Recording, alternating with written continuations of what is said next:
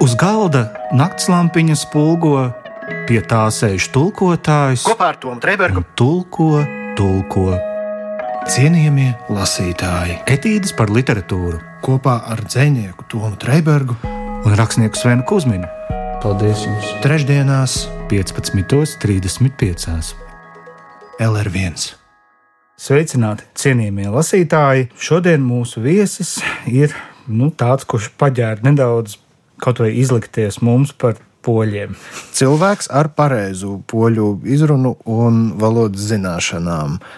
Dzēnieks, tulkotājs, atzījotājs, muzeja speciālists Marijans Rižīs, alias Māris Salējs. Saki, lūdzu, vai tu jūti atšķirības starp to, kā tu rakstītu zem Marijāna vārdu un kā tev rakstās zem Māra Salē vārdu. Tur ir kaut kāda atšķirība starp šiem diviem rakstītājiem. Tad, kad es rakstu, es jau par to nedomāju. Nu, Bet tagad, kad tu pārlasi? Nu, pārlasu, es nedomāju kategorijās tādās. Es, Nē, nu, gluži tā, neteiksim, nu, personas, nu, labi, konkrētas personas ar eh, vārdu un uzvārdu vai pseidonīmu kategorijās. Nu, es teiksim tā, tad, tad, kad tas jau ir, nu, kā teikt, noformējies un, un, un palicis par kaut ko, nu, kas, manuprāt, ir dodams kaut kur, nu, tad viņš tā kā ir, nu, viņš iegūst to. Nu, un, eh, Es vairs neatceros patiesībā, kā es arī uzvedos, kad es esmu Mārcis kad es esmu Marijans Rīžīs. Nu, varbūt, ka, ne, nu, varbūt tad, tad, kad es lasu skaļi un uzstājos, tad varbūt tā vislielākā atšķirība ir. Jā, nu, es, es vienkārši okay. iedomājos tādēļ, ka tas pēc tava stāsta izklausās, ka tas pseidonīms kaut kādā ziņā tevi atbrīvo no nu, sloga. Jā, tas man pirmkārt atbrīvoja no atbildības. Nu kā, nu, ja tāds Mārs Elējs beigās ir pazīstams kā tāds grafomāns, kurš raksta tādus drāmīgus dzējolīšus. Tad viņš tur arī paliek. nu, es nebiju tā sevišķi gaidījis, ka, kā vai saka, ka viņš būs tīri. Nu, kad citi sāks uzskatīt, ka viņš, tas ir kaut kas labs, nu, kaut kā tā. Dzīve tekstā tas ir ne tikai profesora Ausmas cimdiņas rakstu krājums, bet arī vispār tāda prepozīcija ļoti lielai daļai cilvēku.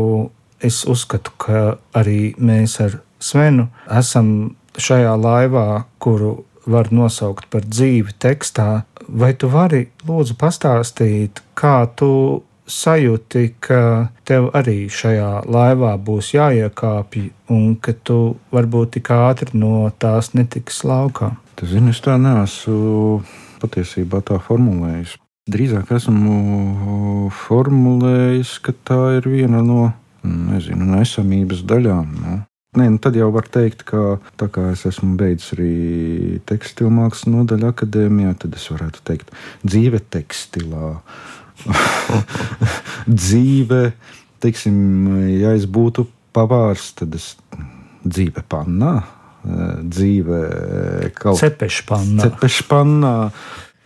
Tu zini, nu, es varbūt tādu priekš sevis eh, es to neformulēju. Es vienmēr kaut kā gribu noturēties uz tās šaurās robežiņas, kur, kā lai saka, ka formulējumi vienmēr tiek pieņemti ar tādu piemiektu aci. Formulējums ir tāpēc, eh, lai nu, to kaut kā nosauktu. Un uh, nav obligāti pateikt, ka dzīve tekstā tas ir kaut kas absolūti, kuram nav nekāda sakara ar uh, reālu dzīvi, reālu cilvēku. Būtībā, teiksim, tad, kad notiek dzējos, šīs abas lietas, teiksim, brutāli sakot, viņas sajiet kopā un viņas ir viens un tas pats tajā brīdī tas brīdis, tas e, stulbi ņemot, jeb ja brutāli ņemot, iedvesmas brīdis, tas nozīmē, ka rakstītājs, vismaz manā gadījumā, viņš e, nešķir, viņš nedomā par tām lietām tādās kategorijās. Vienkārši notiek. Nu, notikums, notiek notikums, un tas realizējās kā, kā šajā gadījumā teksts vai, vai dzējolis.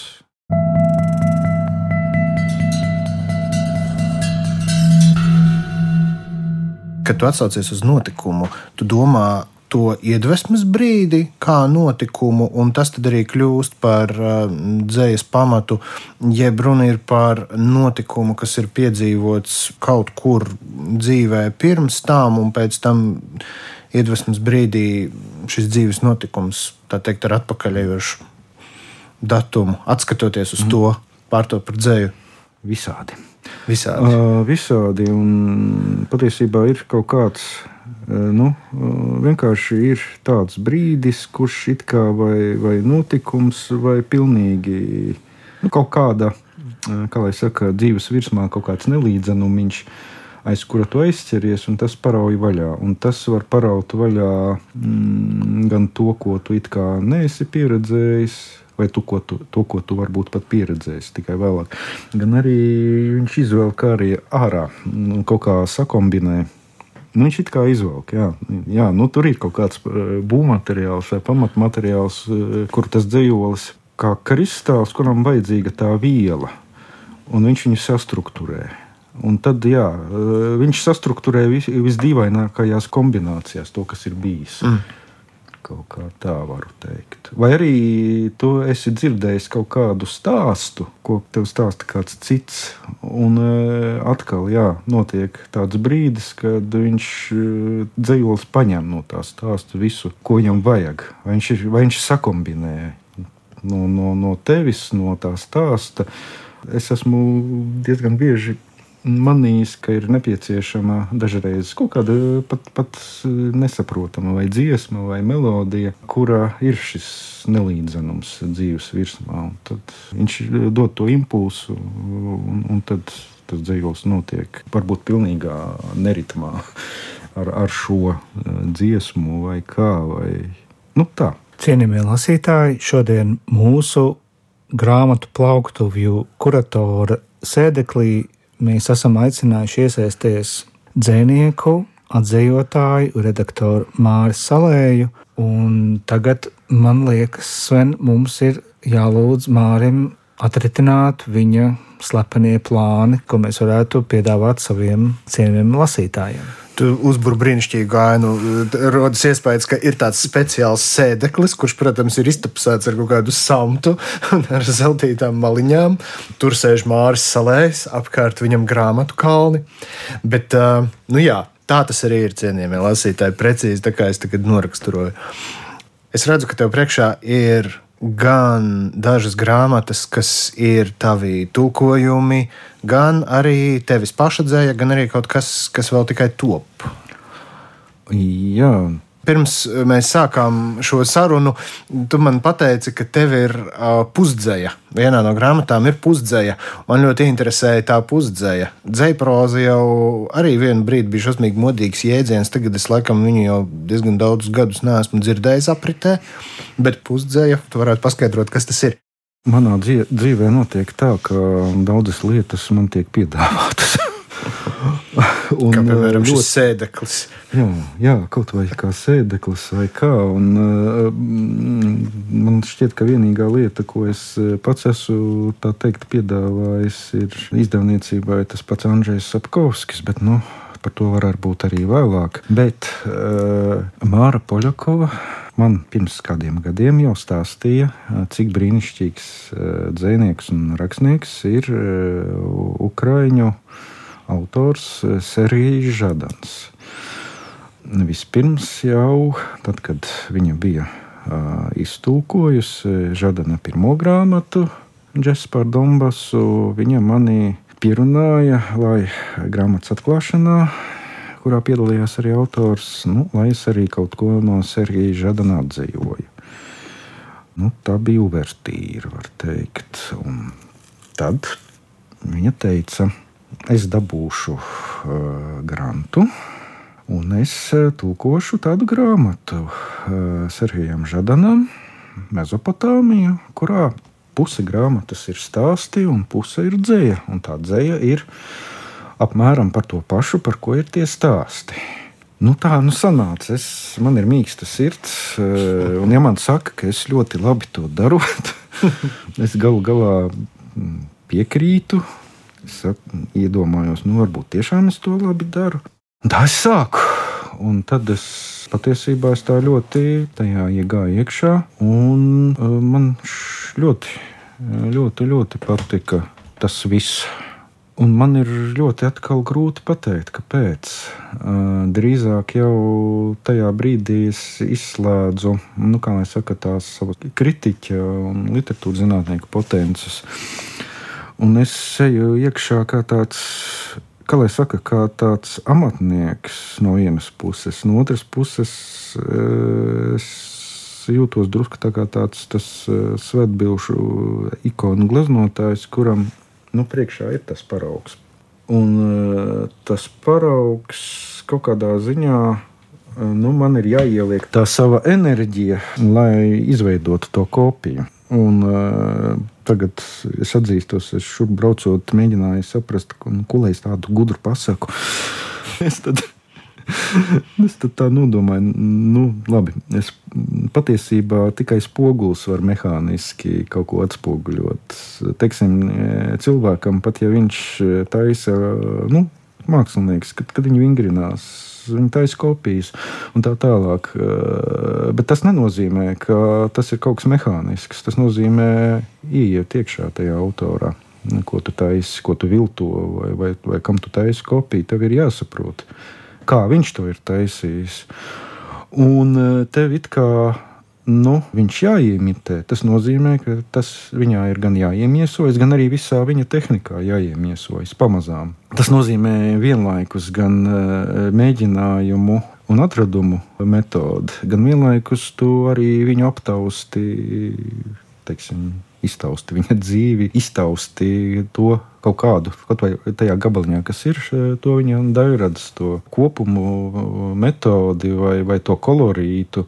Nu, un tad tu mēģini uzjaukt to pašu. Bet tev ir dotas tās krāsas, kas tev ir dotas. Un, teiksim, tev ir latviešu kultūras, valodas, dzējas krāsas, kaut kādi konteksti, teksta veides, principi, nu, kaut kas tāds teiksim tā, ka ikona ir glaznota teiksim, ultravioletajā teiksim, tajā, diapazonā. Nu, to redz bites, to redz mhm. putni, bet cilvēki varbūt to neredz.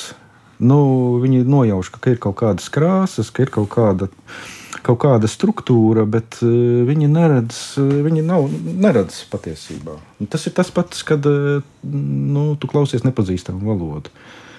Tu sajūti varbūt to plūdu, un tu varbūt tekstu redzot, tu vari nojaust kaut ko ļoti aptuveni. Bet tev tas ir, jā, tu esi, tev ir tāds uzdevums, tev tāda vai misija, vai, vai uzdrīkstēšanās, uh, to pārradīt tajā krāsu spektrā, eh, kurš ir redzams teiksim, latviešu valodā, latviešu dzējā, latviešu kultūrā. Varbūt tie cienījamie lasītāji, kuri, es ceru, ir arī mūsu pulkā, kuri spēlē datorspēles, viņiem varētu būt pazīstama eh, datorspēle Witcher, jeb um, latviskojumā Raganis.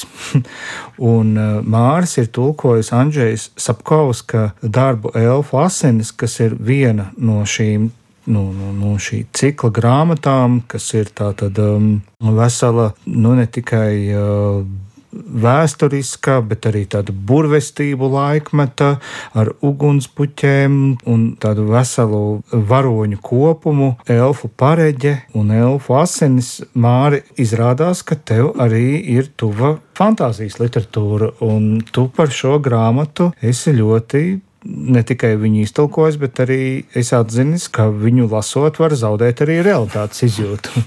Tas tā ir, bet es to arī uzrakstīju kā tādu e, reklāmas ievelkošu pausmu. Bet, jā, es teiktu tā, ka mm, Sapkauskis vispār nu, kā lai saka, tie otrreizējie produkti, kas ir, Man jāatzīst, ka es neesmu nec spēlējis šo spēli, nec arī pagaidām skatījies seriālu, kurš, kura dēļ arī grāmatas pārdošanas reitingi ir paaugstinājušies. Jo patiesībā mm, man patīk šis es negribu teikt, produkts, tā ir vesela pasaule. Un šajā pasaulē man patīk, ka Sapkovskis viņu, pirmkārt, viņš viņu ļoti kārtīgi uzbūvē. Pirmkārt, jau tur ir jūtama viņa ekonomista izglītība. Daž, dažreiz, kad viņš pēkšņi sāk stāstīt par to, nu, kad varonim tur ir tā nauda no tādas karaļu valsts, un tad tie dārgakmeņi tajā karaļu valstī maksā tik, un par, viņus var pārdot par tik un dabūt par to. Tur tā visa tā, nu, un viņš to tik e, sulīgi un tik e, forši izstāsta. Nu, man liekas, ka tur ir arī ekonomistam e, Aha. ir vērts palasīt. Fantasy makroekonomika. Jā, apmēram tā. Tur, tur pat var rakstīt disertācijas ekonomiku kas zinātnē par, par to, kā darbojas Sapkauska pasaulē mm, ekonomika. Bet tas nav tā sausi un tehniski. Nē, nē, nē tas ir kā starp citu. Tas ir eh, tajā brīdī, kad eh, tas ir vajadzīgs sižetam vai, vai kaut kāds, eh, lai, lai, lai piešķirtu kaut kādu vēl vienu dimensiju vai, vai saprastu, kā vispār tā pasaule darbojās. Tas ir viens no tādiem maziem momentiņiem, bet pamatā tas ir, nu, brutāli runājot, tas ir par tādu Eh, cilvēku it kā mutantu, kurš ir pārveidots eh, ar, ar maģijas palīdzību, eh, lai viņš šajā viduslaicīgajā fantāzijas pasaulē nu, atbrīvotu cilvēkus no briesmoņiem visādiem. Bet, bet tas ir tikai viens mazs slānītis. Tur, ir, tur var lasīt viņu kā ārkārtīgi spožu un aizraujošu piedzīvojumu romānu, Viņu var skatīties arī no ekoloģijas viedokļa. Tur ir tās visas smalkās attiecības starp dzīvo pasauli un par to, ka patiesībā ne visi briesmoņi ir briesmoņi un tā tālāk. Un arī ārkārtīgi spilgta, spilgti raksturi, un arī var to skatīties, lasīt tīri, baudīt valodu, to stilu, jo Sapkauskis brīnišķīgi spēlējas ar šiem stiliem, ar sižetiem, ironizē par sižetiem eh, un tā tālāk. Šobrīd man rokā ir Marijāna atnestais Česlava Miloša darbs dzimtā Eiropa.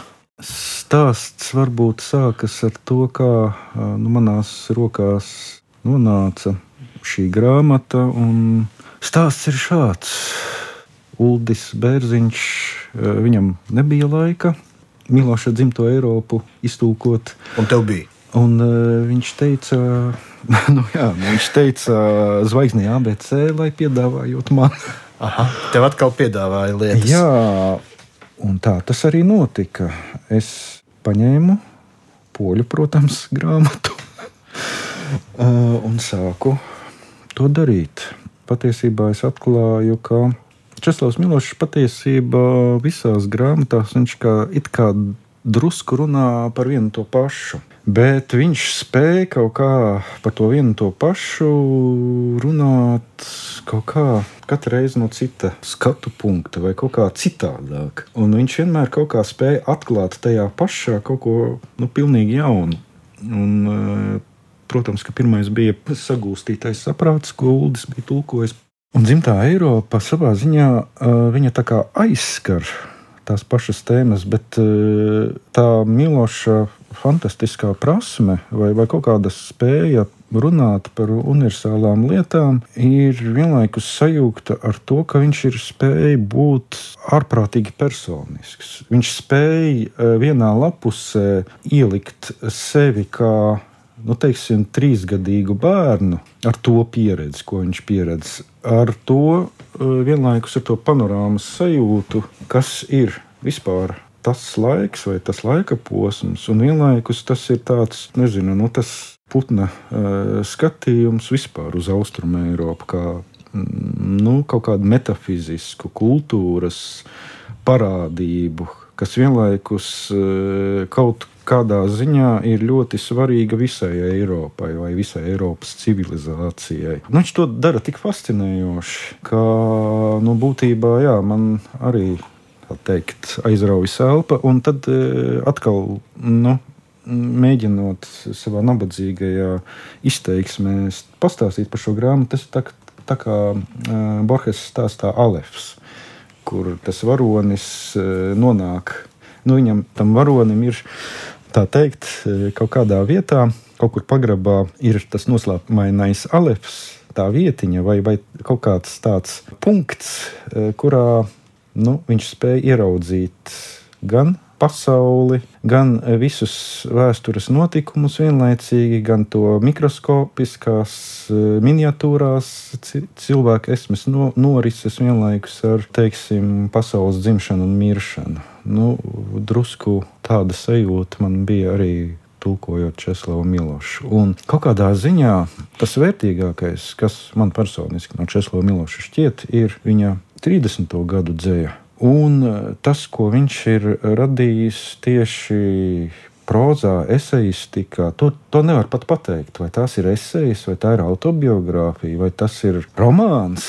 Tas ir viss vienlaicīgi. Un e, tieši tas ir nu, jā, šī visa būšana tur iekšā, kurā teiksim, viņa ir rakstīta tādā valodā, kas ir tāda it kā sintētiska. Viņa ir ārkārtīgi maz dialogu, ārkārtīgi maz kaut kādas no nu, acīm redzamas dramaturgijas. Tā ir drīzāk tas ir eh, domas, esamības vai kaut kādas kontemplācijas klejojums cauri visam. Bet vienlaikus tā grāmata ir ļoti strukturēta, jo tā virzās no senčiem līdz dzimšanai, viņa paša dzīvei un līdz teiksim, tās grāmatas tagadnē, eh, ja pareizi atceros, 58. gadsimta. Nu, lūk, Māri, arī uz šīs grāmatas uh, vāka mēs redzam ļoti spilgtu ilustrāciju, proti, bruģakmeņi, caur kuriem spraucas zaļi ceļmalu lapu kūlīši, un caur šiem te prozas monolītiem, kurus tu mums piedāvāji, arī izbrauksies cauri tavs pirmais krājums, māmiņa. Es redzēju dziesmu, ko mēs apskatīsim arī mūsu raidījumā. Tādējādi mēs noslēdzam šo es domāju, ļoti aprauto sarunu, jo mums būtu par ko runāt. Iespējams, tur būtu pat vēl viens cikls. Sarunas par Māru Salēju. Sarun, sarunas ar Māru Salēju. Vienkārši tā varētu teikt. Jā. Bet tiešām paldies tev par šiem diezgan daudzējādajiem un ļoti tādiem intonatīvi atšķirīgajiem piedāvājumiem, kurus tu mums kā mūsu cienījamo lasītāju kurators piedāvāja šajā mēnesī, un tad jau mums, Sven, ir tikai viens vienīgs uzdevums - lasīt, un pēc tam par to stāstīt arī mūsu cienījamiem lasītājiem. Jā, paldies, Māri, par um, šo literatūras krāvumu. Viss mēs tagad braucam lasīt tūlīt pat, un uh, sakot, neko citu nedarīsim vairs. Un, ja jūs lasīsiet Česlavu Milošu, tad uh, jūs pamanīsiet, ka vienā otrā vietā viņš arī piemin Rīgu un Latviju. Aha, re. Tas un... nebūs tā kā pie Vanagūta, kur, kur arī Rīga bija pieminēta. Nē, nē tas tiešām ir biogrāfiski. Kā, iz, kā izpētījis eh, Česlavs Dairāds pētnieks eh, uzvārdā Franāšeks, Milošs ir ieņemts Rīgā. À, Āmen. nu, rekā. Cienījamie lasītāji ar um, Ar šiem vārdiem mēs arī atvadāmies. Jā, ar šo iedvesmojošo in informāciju mēs no jums atvadāmies. Un tiekamies nākamajā nedēļā. A tā. Visu labu! Uz redzēšanos! Uz galda naktslampiņa spulgo, pie tā sēž tulkotājs. Kopā ar Tomu Trēbergu. Tulko, tulko. Cienījamie lasītāji! Etīdes par literatūru kopā ar dzinieku Tomu Trēbergu un rakstnieku Svenu Kusminu. Paldies jums! Trešdienās, 15.35. LR1.